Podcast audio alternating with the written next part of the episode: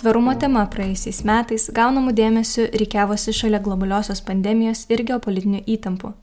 Regis, kad apie klimatą kalbėjo visi - mokslininkai, politikai, verslininkai, visuomenės veikėjai.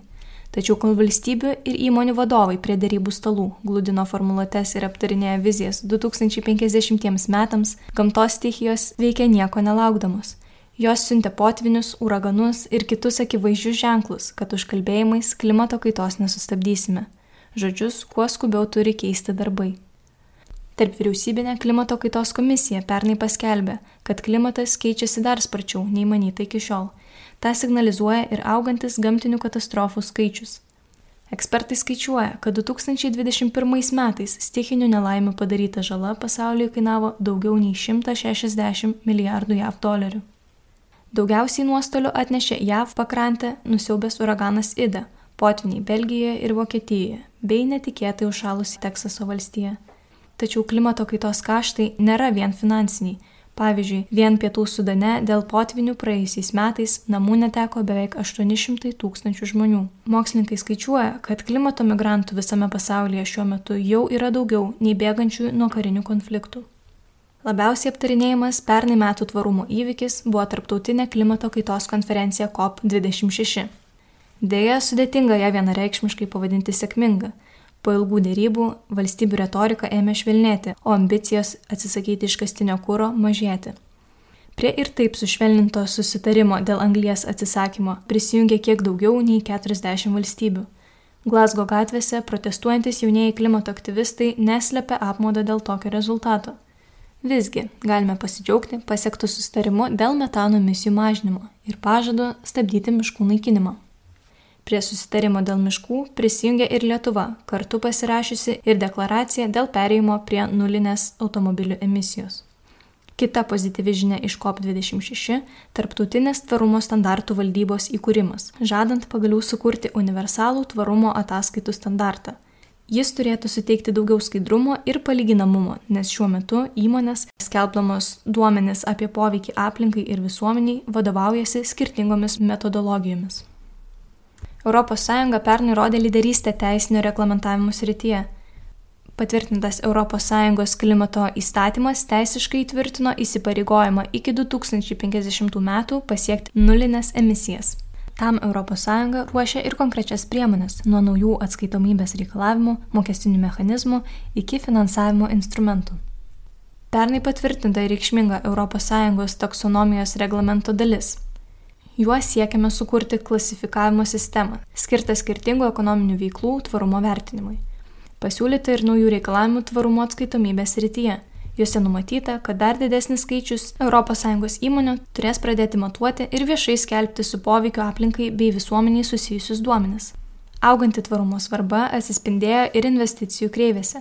Ekspertai skaičiuoja, kad investicijų į klimato technologijas apimtis pernai visame pasaulyje išaugo 210 procentų. Be to, investuotojai pradėjo aktyviau reikalauti tvarumo strategijų ir planų iš savo valdomų įmonių, ypač jeigu įmonės veikia rizikos rytyje. Didžiosios kompanijos, susidūrusios su investuotojų lūkesčiais, jau suprato tvarumo svarbą ir ėmėsi veiksmų. Pavyzdžiui, iš Fortune 500 sąraše esančių globalių kompanijų pernai trečdalis bendrovių jau buvo išsikėlusios klimato tikslus ir daugiau nei 90 procentų viešai skelbė tvarumo ataskaitas. Didėjant visuomenės susirūpinimui, kova už klimato teisingumą iš gatvės protestų persikėlė į teismo sales. Pernai stebėjome išaugusi klimato bylų skaičių, o jų centre atsidūrė ne tik valstybės, bet ir verslai. Keletas tokių bylų jau dabar vadinamos istorinėmis. Pirmasis pavyzdys - tai Vokietijos konstitucinio teismo sprendimas, kad šalies valdžia nesiema pakankamų priemonių siekdama apsaugoti savo piliečius nuo pražutingų klimato kaitos padarinių Angelos Merkel vadovaujama vyriausybė buvo įpareigota pateikti nacionalinius emisijų mažinimo tikslus ir planus. Antrasis pavyzdys - Niderlanduose klimato aktyvistų laimėta byla prieš naftos pramonės milžinę kompaniją Shell. Įmonė buvo įpareigota pakoreguoti savo vidaus politikas ir procesus, bei iki 2030 metų beveik per pus sumažinti veiklos emisijas. Lietuvoje, nepaisant kitų iššūkių, tvarumo tema taip pat sulaukė dėmesio vyriausybė patvirtino nacionalinę klimato kaitos valdymo darbotvarkę, kurioje nustatyti klimato kaitos švelninimo tikslai.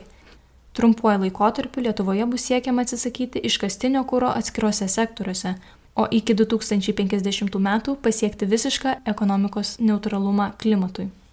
Stebėjome ir įmonių suaktyvėjimą tvarumo srityje, nuo pavienių iniciatyvų iki strateginių pokyčių verslo modeliuose. Visa tai yra pozityvus ženklas, rodantis augančią rinkos brandą.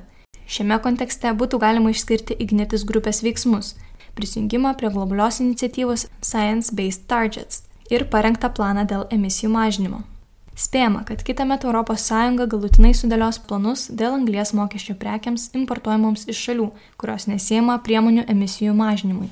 Tai turėtų pakeisti tiekimo grandinės ir padidinti atsakingai gaminamų prekių patrauklumą rinkoje. Taip pat prognozuojama, kad didesnis dėmesys bus skiriamas siekiant sustabdyti vadinamąjį žalį smegenų plovimą, angliškai greenwashing. Įmonių pasisakymai apie tvarumą turės būti pagristi patikrinamais argumentais. Dar viena prognozuojama tendencija yra didesnis dėmesys socialiniam tvarumui, kuris turėtų ateiti kartu su ruošiama ES socialinė taksonomija. Belieka palinkėti, kad 2022 būtų nebe klimato užkalbėjimo, o tikrų veiksmų ir pokyčių metai. Komentarą paruošė Svetbank tvarumo vadovė Karolina Semenovaitė, įgarsino Emilija Filipenkovaitė.